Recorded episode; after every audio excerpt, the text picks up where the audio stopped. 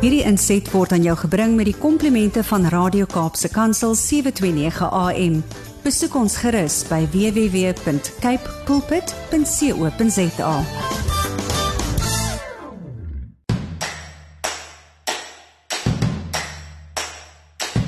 Dit is Saterdagoggend, die 13de November 2021. Dit is net net na 7 Hier op 'n Saterdag by Radio Kaapse Kansel beteken dit net een ding en dit is dat jy luister na Landbou Landskap. Hartlike goeiemôre van my Willem van Jaarsveld, jou gasheer tussen 7 en 8 en vir die volgende uur gesels ons net landbou sake.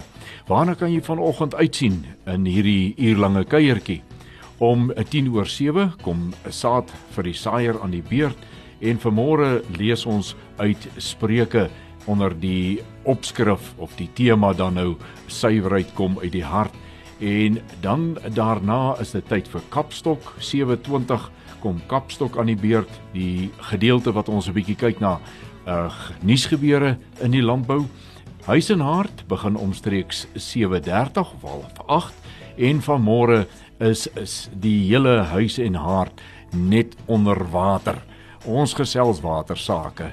Die opspraakwekkende uitspraak van die Appelhof vroeër hierdie week oor uh, hoe waterregte uh, mee gehandel kan word. Ons kyk daarna want dit is iets wat vir boere baie baie belangrike saak is.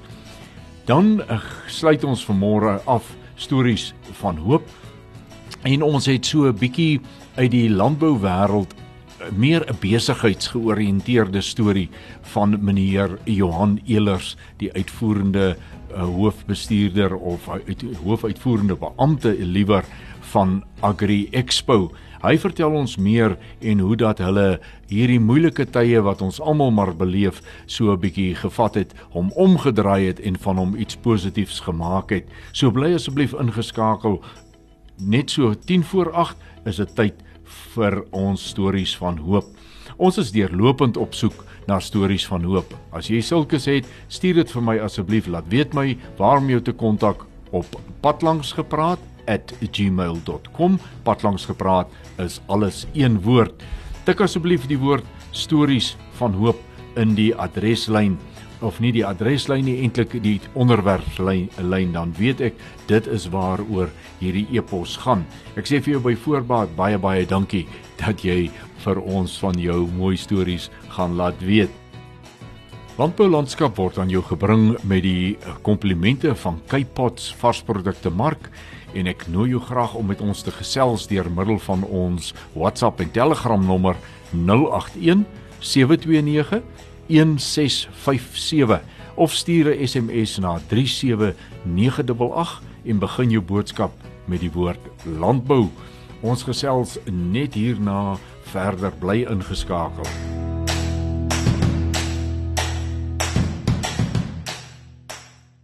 Jy luister na Landboulandskap op Radio Kaapse Kansel wat uitsaai op 729 AM en wêreldwyd kan jy na ons luister op die internet. Ons het uh, in hierdie program dit en doel om vir jou so 'n bietjie 'n kykie te gee in die wêreld van die landbouer, sy gesin, sy werksmense, die hele waardeketting, die hele almal is in almal wat met 'n uh, landbou te doen het.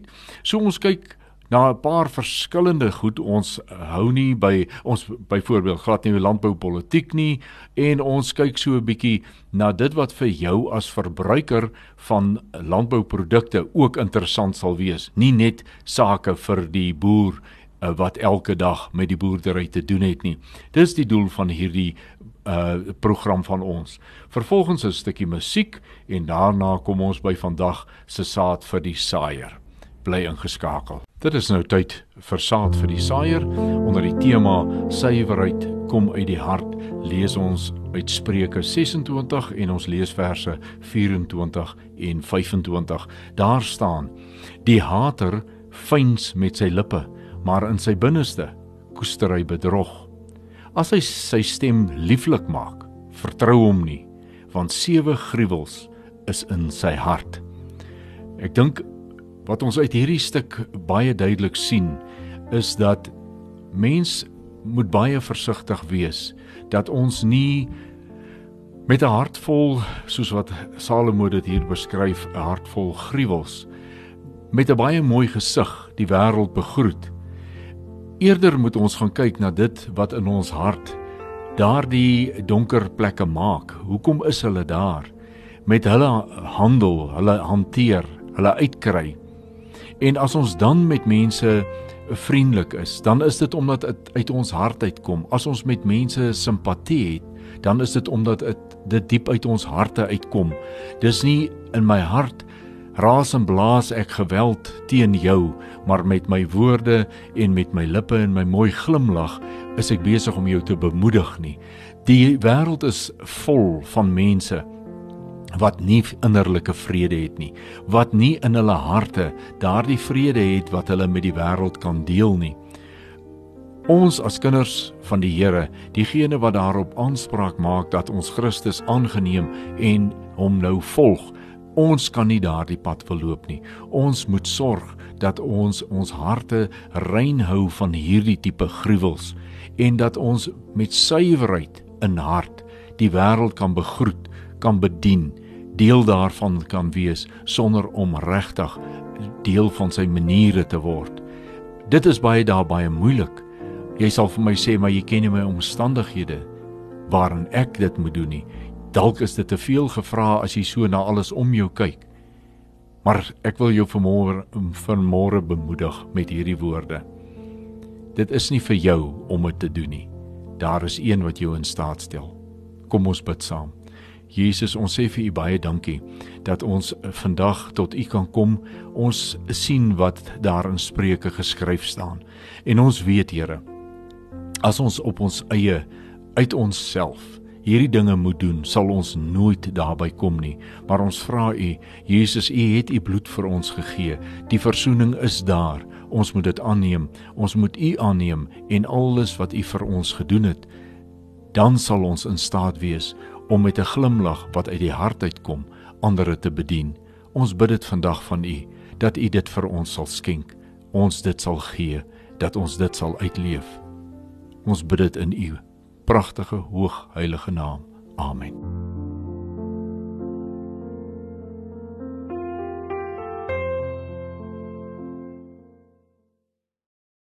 Jy luister na Landbou Landskap op Radio Kaapse Kansel en hierna gaan ons 'n bietjie kyk na wat aan ons nuusgebeure Kapstok hang.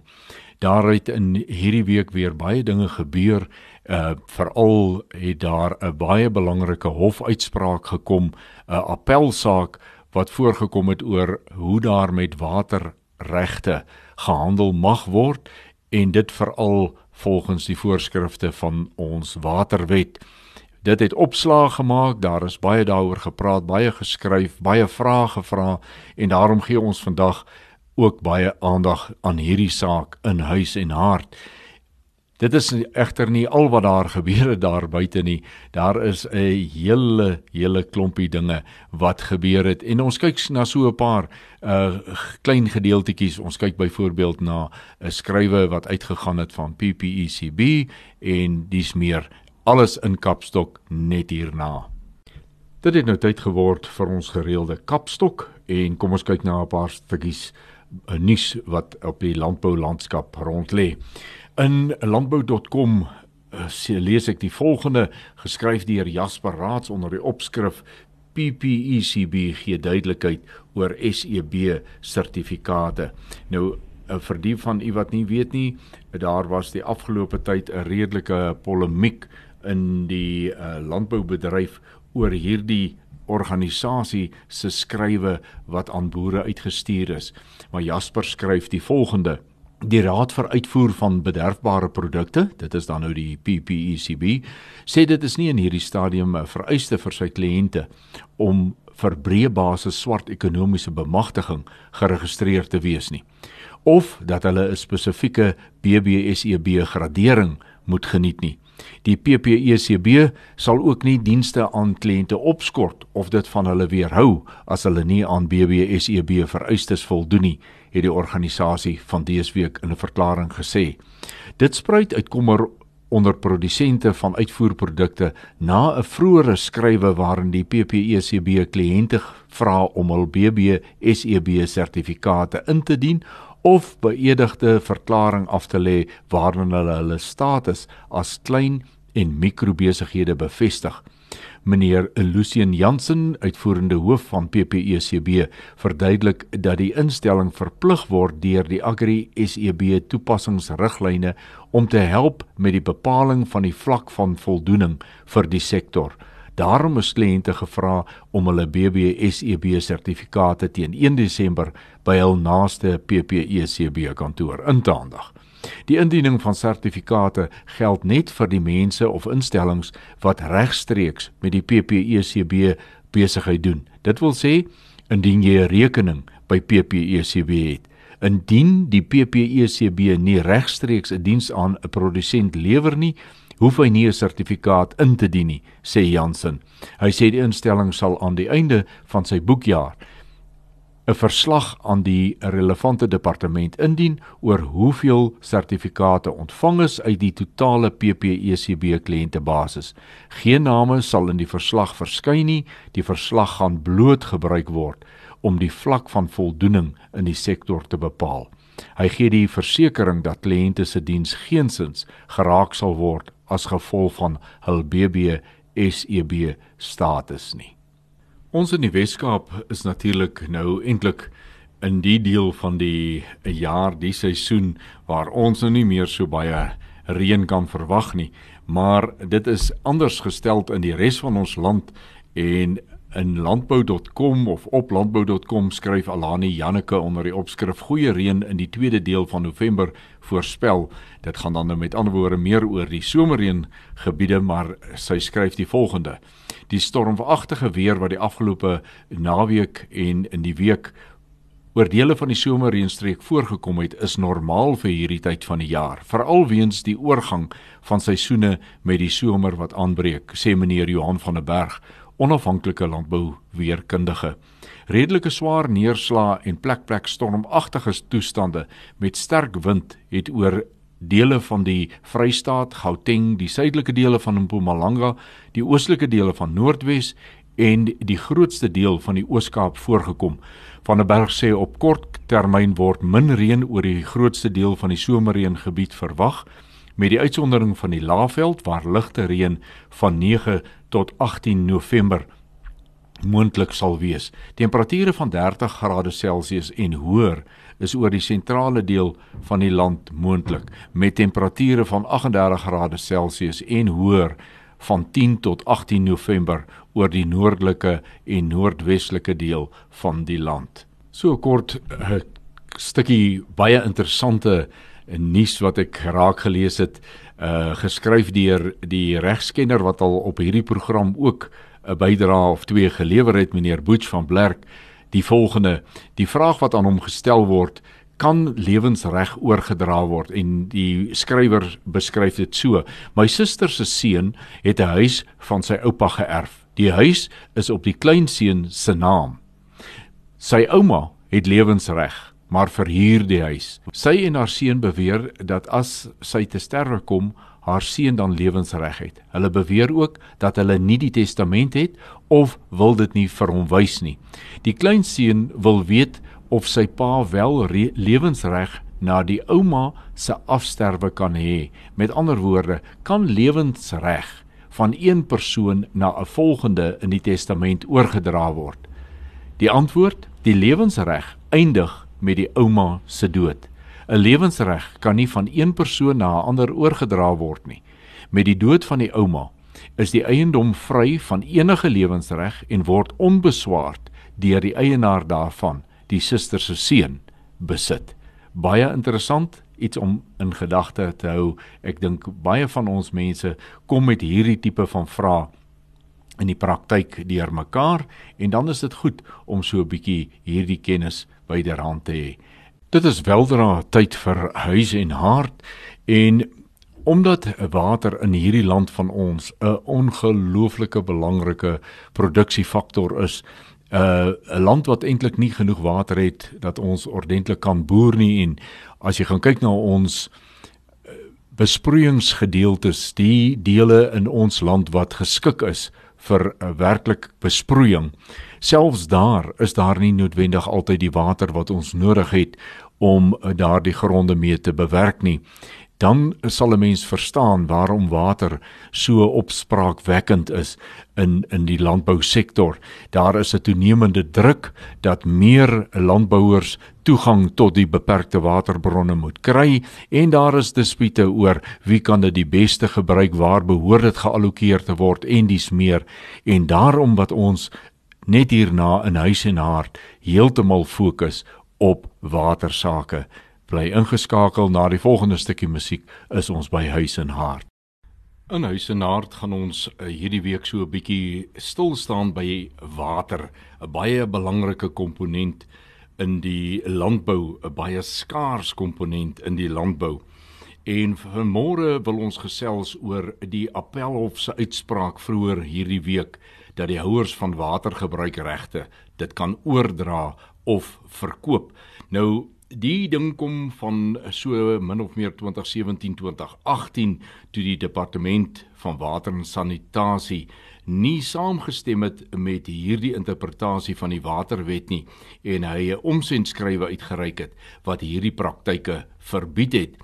Nou 'n verklarende bevel is daarna by die Hooggeregshof aangevra omdat hierdie so 'n belangrike saak is. Hierdie hof het dit uh, toe gelyk gegee aan die departement dat sy siening reg is. Maar verskeie partye wat baie betrokke is by watersake, het die appelhof gen genader en gevra dat die Hooggeregshof se uitspraak hersien moet word. En dit is wat nou sopas gebeur het. Met ander woorde, ons moet 'n bietjie gaan kyk wat is die geval nou na hierdie uh, hofuitspraak en vanmôre is my gas meneer Janse Rabie van uh, Agri Suid-Afrika se natuurlike hulpbronne sentrum van uitnemendheid. Uh, ek wil vir jou sommer te vinnige wegspring vir jou vra. Janse, verduidelik ons 'n bietjie wat was in die verlede die manier hoe daar met waterregte gehandel kon word. Dankie vir die geleentheid. Ja, watergebruiksregte is hoe ons dit nou hoe tradisioneel waterregte in die verlede bekend gestaan het.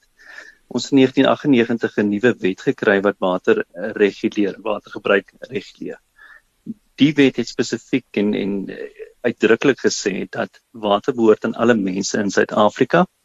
Die staat het die trusteeskap om daai water te beheer op 'n manier wat hy goedvind. Die die aanloop rondom ehm um, oordraagbaarheid van waterregte en die en die belang van hierdie hofsaak is dat waterregulering spesifiek en en slegs mag plaasvind in ooreenstemming met wat die nasionale waterwet sê.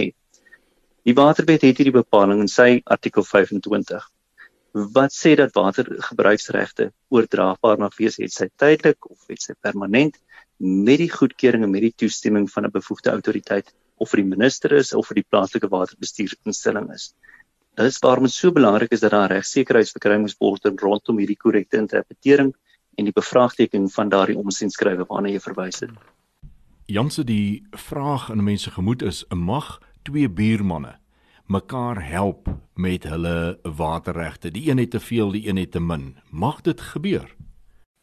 Dit mag gebeur maar dan weer eens met die uh, medewerking van 'n bestuursinstelling of dit nou 'n watergebruikersvereniging of 'n wateropvangsbestuursagentskap is of die minister nou self afhangende van die geval, maar dit mag teoreties plaasvind. Daar's geen belet wat dit verbied nie en ons regstelsel het nog altyd aanvaar dat as daar nie so verbod is nie, dan mag dit plaasvind en is dit nie onwettig nie. Janse daar is waarskynlik 'n hele paar redes waarom die hof genader is vir uitklaringsbevel oor hierdie interpretasie.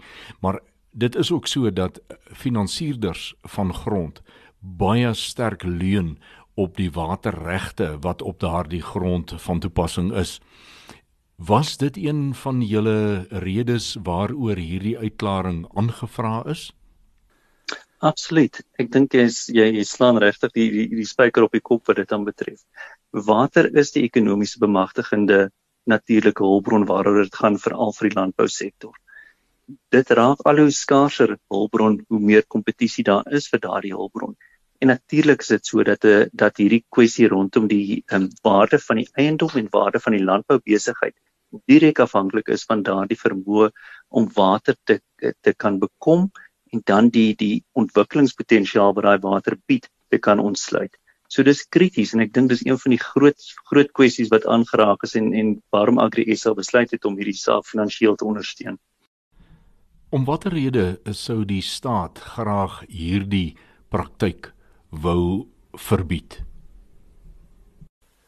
Soos ek gesê het, die nasionale waterwet sê dat water behoort aan die mense van Suid-Afrika en ek dink daar was 'n bietjie van 'n wanopvatting, miskien lees ek tussen die lyne dalk te veel, maar ek dink die die regering en veral die departement het homself beskou as die eienaar van water wat nie die geval is nie.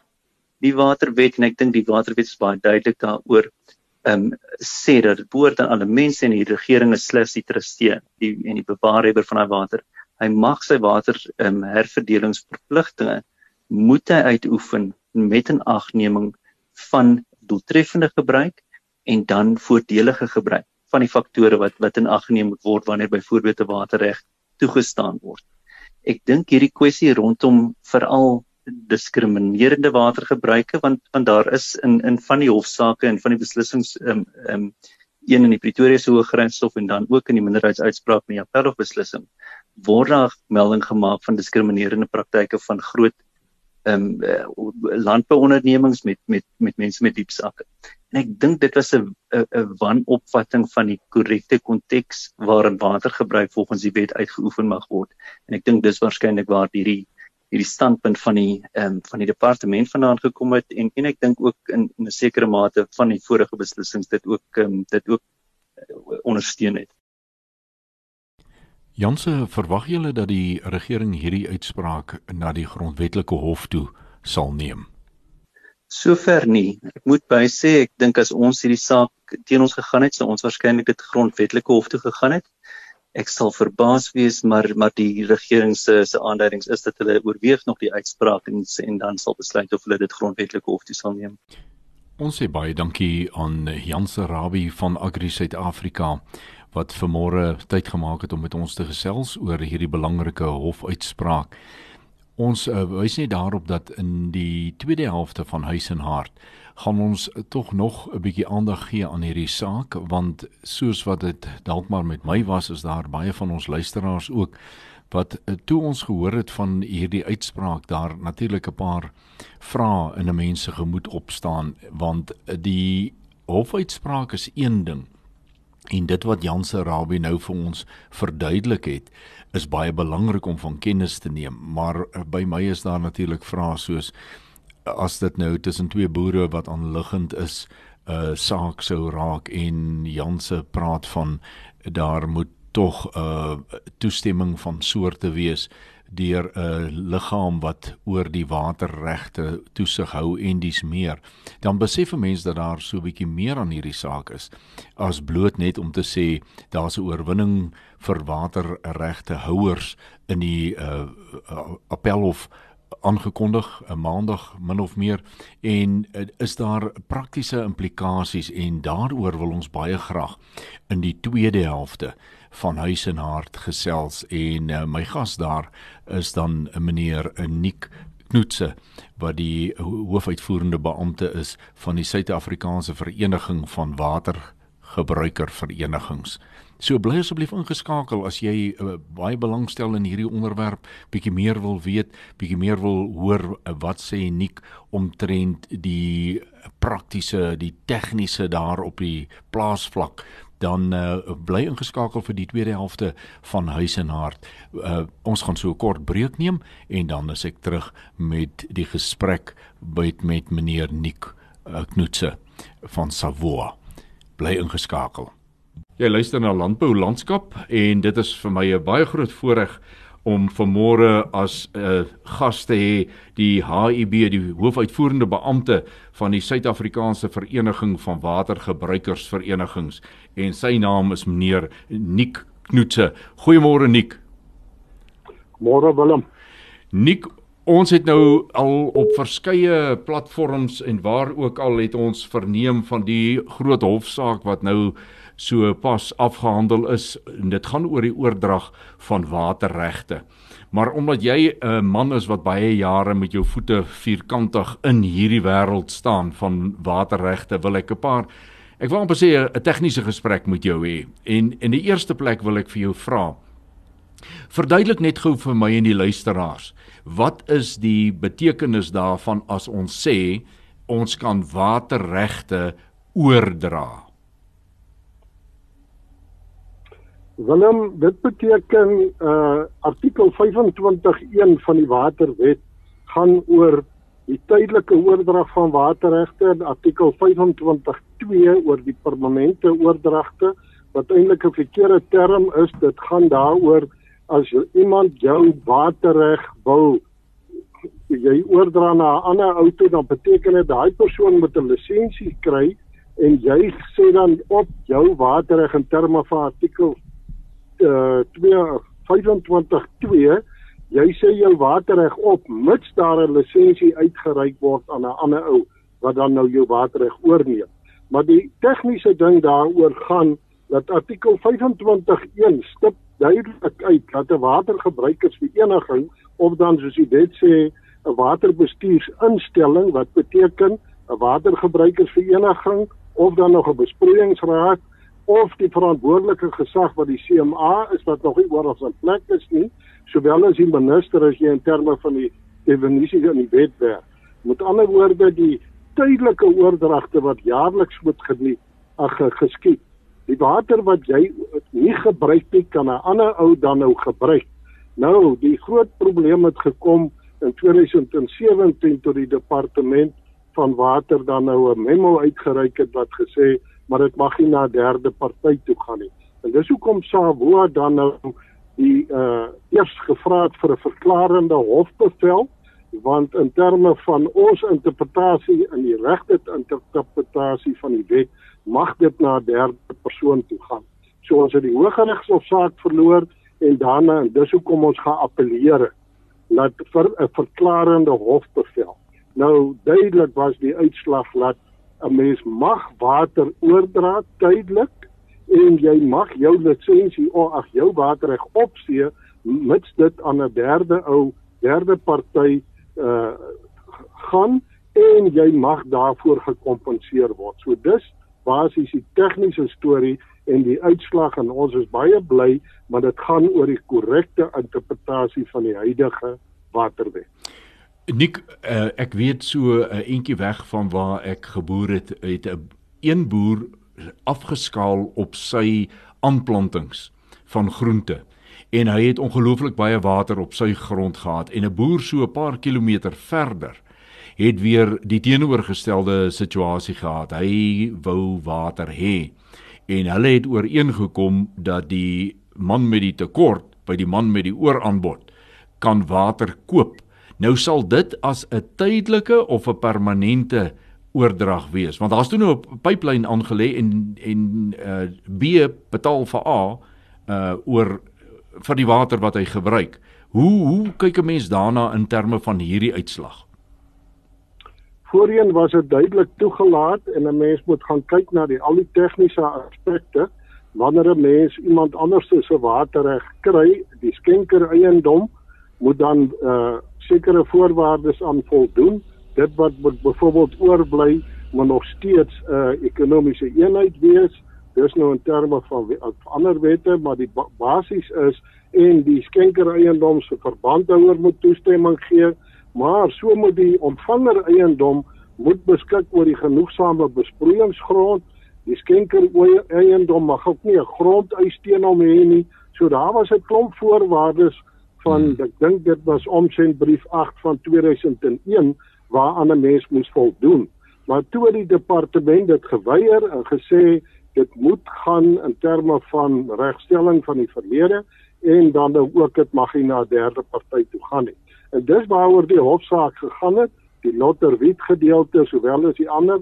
Die hoofsaak van eh uh, Savoa se saak was gewees dit mag na 'n derde party gaan en dit gaan oor die 'n in, korrekte interpretasie van artikel 25.1 en 2 wat as jy mooi kyk dit in die Engels staan dit jou my allow en dan staan daar weer allow en en dit is hoekom dit dan nou so verklaar is so tydelik as ek jou by jou water oorneem as gevolg van ek plant dubbel oes en jy plant enkel oes dan beteken dit jy gaan nie hierdie jaar al jou water gebruik. Hoekom dit vir 'n watergebruikersvereniging belangrik was, jy stel jou begroting op op die totale volume water wat jy verskaf. En as dit almal nou minder gebruik, dan gaan jy nie die inkomste kry om die uitgawes te delg. So tydelik is is 'n strydvoer, dit moet wees van skenker eiendom na ander eiendom toe onder die voorwaardes van die plaaslike waterbestuursinstelling wat dan of die watergebruikersvereniging of die besproeiingsraad is. En dan die term permanente oordrag is nie korrek nie. Ja, jy neem dit oor. Met ander woorde, dit beteken hy staan uitdruklik in die wet die skenker eiendom die oor die waterreg, watergebruiksreg. Hmm. Sê sy reg op mits dit toegeken word die lisensie dan nou aan die ander eiendom aan die ontvanger eiendom en dis wat dit toe verhoed is omdat dit derde persoon is. Hmm. So ja, in terme van hierdie wet, so almal wat nou afgekeur was omdat dit na derde party toe gaan, is nou moet nou oor in elk geval oor aansoek doen daarvoor. So terwyl die wet nou so staan soos wat hy nou staan en as gevolg van die uitslag van die appelhofsaak is dit hoe ons dit interpreteer en dis die korrekte interpretasie. Die die interessante van hierdie ding uh wat gebeur as daar nie 'n waterverbruikersvereniging of enige ander owerheidsliggaam uh in daai omgewing werksaam is of laat ek sê effektief werksaam is nie. Wat gebeur dan? Want jy jy sê dan, elke keer daar moet in oorleg met hierdie uh uh liggame moet dit gedoen word en as daar nou nie een is nie. Alraai, ek gaan vanaand vir jou sê uh, Willem dat tans word omtrent 48% van die land geregistreerde watergebruik word bestuur deur het sy 'n watergebruikersvereniging of 'n besproeiingsraad. Mm -hmm. Die 52% is waar daar nie so 'n instelling nog nie is nie. Sure. Die ideaal sal wees as daar oral sulke instellings is. En daaroor is ons dan nou besig nadat die vorige minister, eintlik minister Sesulu dit goedgekeur het dat al hierdie besproeiingsrade moet nou transformeer en die bestaande watergebruikersverenigings moet geherrangskik word of geherstruktureer word hmm. en gebaseer word op subopvanggebiede. Maar dis die toekoms se se prentjie daai. Daar waar nie nou 'n watergebruikersvereniging besproeiingsraad is, is die definisie baie duidelik in die wet. Laat 'n waterbestuursinstelling beteken of die watergebruikersvereniging of die verantwoordelike gesag wat die CMA is en as daar nog nie 'n CMA is nie die departement se streekkantoor en of die minister. So dit beteken mens doen aansoek by die het sy streekkantoor of by die een van die twee CMA's wat al reeds in plek is en dit moet goedgekeur word deur aan die deur die gedelegeerde soos wat die delegasies op die oomblik in die departement is. Nik so ter af, afsluiting, wat sal jou raad wees aan boere wat wel van hierdie uh, uh ek wil nie sê vergunning nie met hierdie nuwe interpretasie wil aangaan en dan nou water vir mekaar beskikbaar stel. Wat sou jy sê is die kritiese uh stappe wat hulle moet volg om dit volhoubaar gedoen te kry?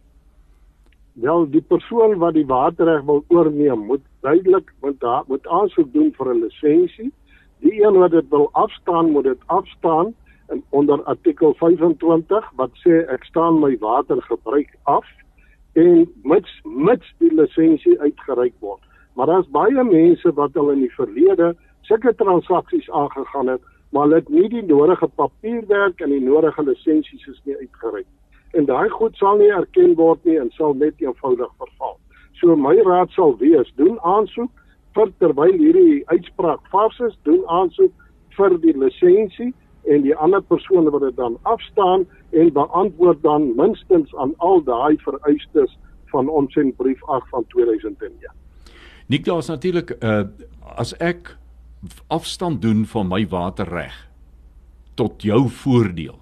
Wat is die implikasie by die verkoop van my grond van hierdie ding wat ek nou vandag gedoen het?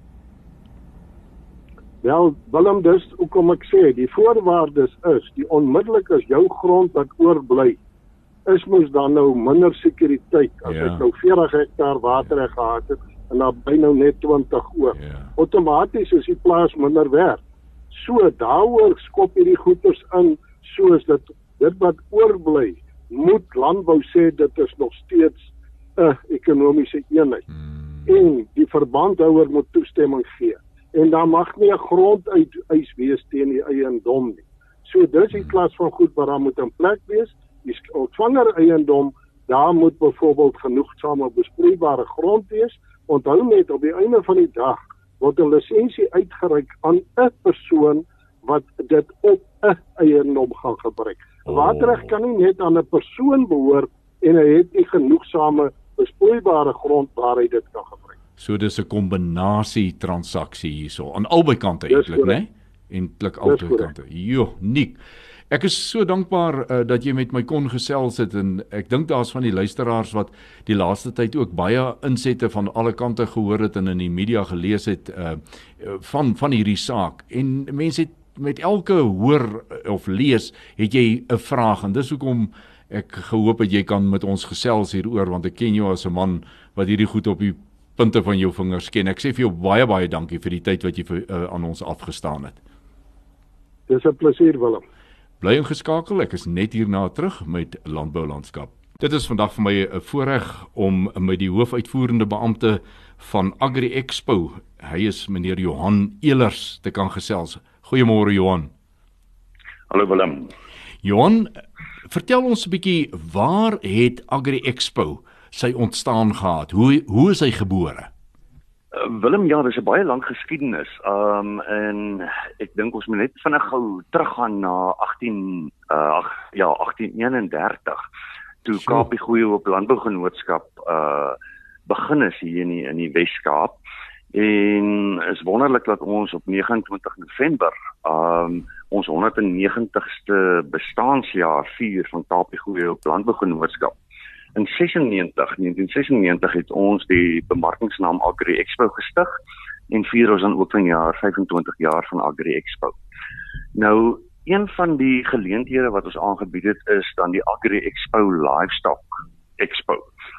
En uh, ons het dit aangebied vir destyds begin as die uh, Cape Dairy Experience waar die suiwelbedryf eintlik na ons toe gekom het en gesê het maar hulle soek 'n spesifieke expo net vir suiweldiere. En dit het toe gegroei dat ons later aan besluit het maar ons moet dit oopmaak vir ander rasse ook en het ons uh die Agri Expo Livestock Expo begin aanbied. Nou, ons het vir 6 jaar aangebied tot in 2019 natuurlik. Mm. Nou binne in daai 6 jaar was dit regtig een van die suksesstories in die sin van dit was die grootste in 2019 die grootste suiwelskou in Suid-Afrika gewees. Dit was die grootste vleisbees interras kompetisie in Suid-Afrika gewees. Dit het die grootste skoolprogram vir kinders gehad uh, met meer as 3000 kinders wat daar teenwoordig was dis 'n pragtige suksesverhaal van hoe die verbruiker en landbou dan ook bymekaar uitgekom het. Hmm. Nie net 'n 'n wêreldklas uh skouring vir die uh teelersgenootskappe nie, maar vir die verbruiker ook om te kan kyk waar kom alles vandaan? Um hoe lyk die waardeketings? Um ons het op 'n stadium meer as 300 diere daar gehad. Ons het 20 teelersgenootskappe gehad wat deelgeneem het. So dit was regtig 'n 'n pragtprojek wil ek sê. Mm.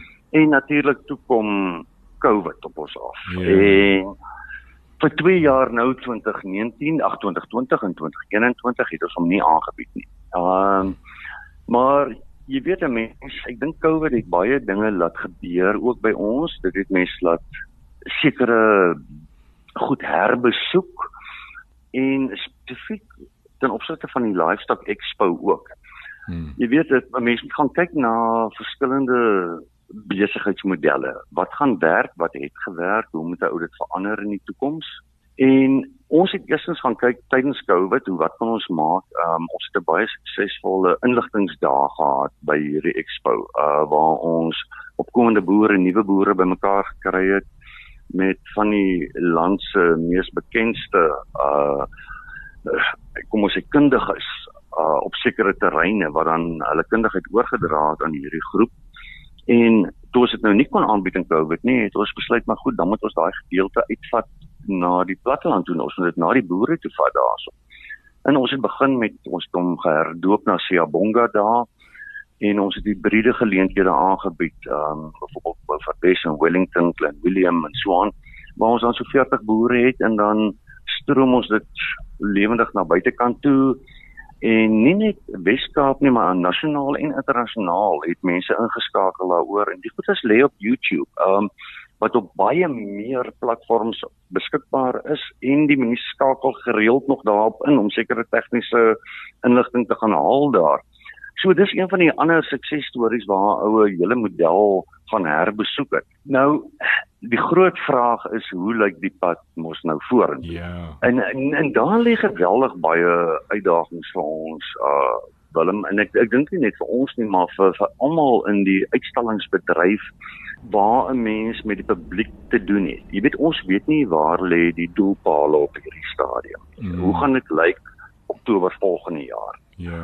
Ehm um, so julle expo uitstalling geleentheid is maar gefestig op vennootskappe wat 'n mens het. En ek verwys vennootskappe na jou vennootskappe met jou teelers uh vennootskappe, jou vennootskappe met borge, um met die verbruiker daar buitekant, um al die ander rolspelers daarmee saam.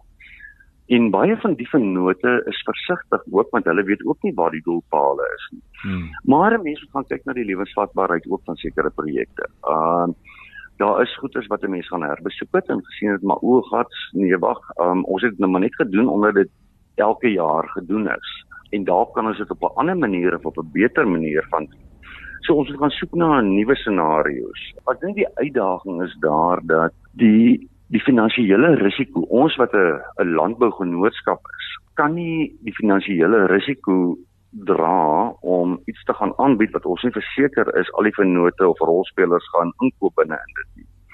En dit is waar mense nou is in die sin van om te gaan onderhandel, om te gaan uh ek wil amper sê saam gaan besluit oor hoe lyk die pad vorentoe dan die uh kaasbedryf soos met 'n projek soos die kaasfees en daai scenario het baie heeltemal anders uitgespeel waar ons 'n 3 dae fees gehad het met 10000 mense per dag daarso het ons net gesê maar ons kan nie daai risiko vat om hoe lyk die basie doelpale in April nie.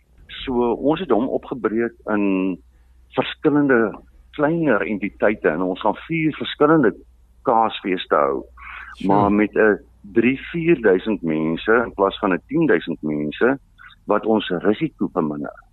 So ons kan ons kan hom daarop weerspieël alles in die maand van April volgende jaar.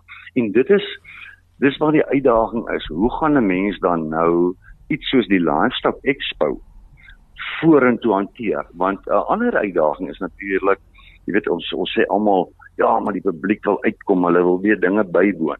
Maar is dit werklik die verbruiker se gedrag? Is dit wat dit gaan wees hierna? is dit nog altyd die behoefte van 'n teelersgenootskap om op 'n wêreldstandaard skouering in te stap of het die 2 jaar van COVID ons 'n bietjie anders te laat dink en gaan ons 'n bietjie anders te optree? So, dit is 'n dis dis absoluut daai moeilike vraag om te beantwoord oor waartoe is ons op pad? 'n Mens moet uit die aard van die saak, jy moet plan um, vir jou eie oorlewing en vir die mense daar buitekant uh of jou jou vennote. En ons is nou in daai proses waar ons daai tipe van evaluerings doen om by die verskeie rolspelers uit te vind wat sien hulle hoe werk hoe voorspel hulle die die toekoms ehm um, wat is hulle aanslag het daar 'n verandering in uh doelwitte plaasgevind by hulle. Uh ons sit gereeld saam met die Suid-Afrikaanse die Events Council waar hmm. al die groot organisasies bymekaar is en ek verwys nou hier van musiekkonserte tot sportbyeenkomste en die landbouskoue en so aan om om die verskillende scenario's bietjie te bespreek en te laat uitspeel oor waartoe beweeg ons. Nou daar's 'n groot stuk optimisme daar en ek dink dit is wat 'n mens moet hê. Ons moenie. Ons moenie die die die negatiewe of die onsekerheid ehm um, gaan omarm nie. Ons moet eerder die die positiwiteit of die positiewe gaan soek daarso. Absoluut. En iets soos by die events council uh is dit absoluut die geval. Ehm um, van daar's 'n positiwiteit. Ons gaan aan met al ons byeenkomste. Ons moet dit groter maak en ek dink wat van my kant af wat hier gaan uitkom is ons gaan dalk meer gefokus wees. Ek sê baie dankie vir meneer Johan Elers. Hy is die hoofuitvoerende beampte van Agri Expo wat uh, vanoggend met ons hieroor gesels is uh, gesels het in die trant van wat by Agri Expo gebeur het en wat in die toekoms lê. En was dit nie vir u ook lekker om te hoor dat 'n uh, uh, wat 'n redelike probleem en 'n terugslag kan wees in die bestaan van 'n organisasie, het hierdie mense eenvoudig gevat en hulle maak daarvan 'n positiewe saak. Hulle draai die verkeerd om in 'n uh, wen en sien dan uit daarna om daarop voort te bou in die toekoms. Ek dink dit was vir ons almal net weer 'n les vir die lewe wat ons elkeen lewe om daardie ingesteldheid te hê dat krisis skep baie maal geleentheid. Ons sê baie dankie vir Johan Elers.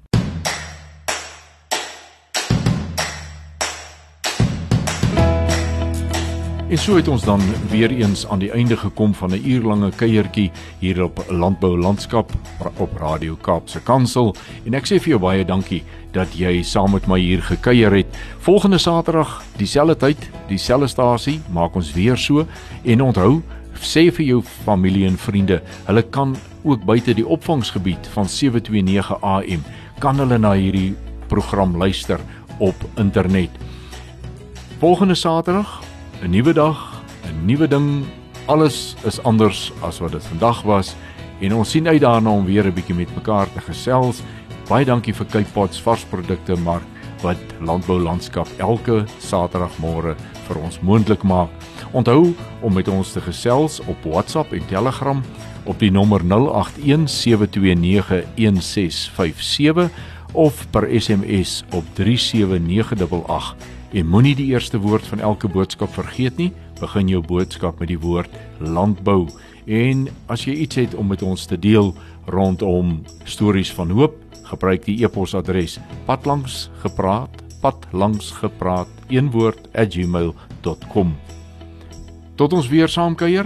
Groet ek Willem van Jaarsveld en mag jy elke oomblik Vader se guns op jou lewenspad ervaar. Bly gerus ingeskakel net hierna ons volgende program. Wederom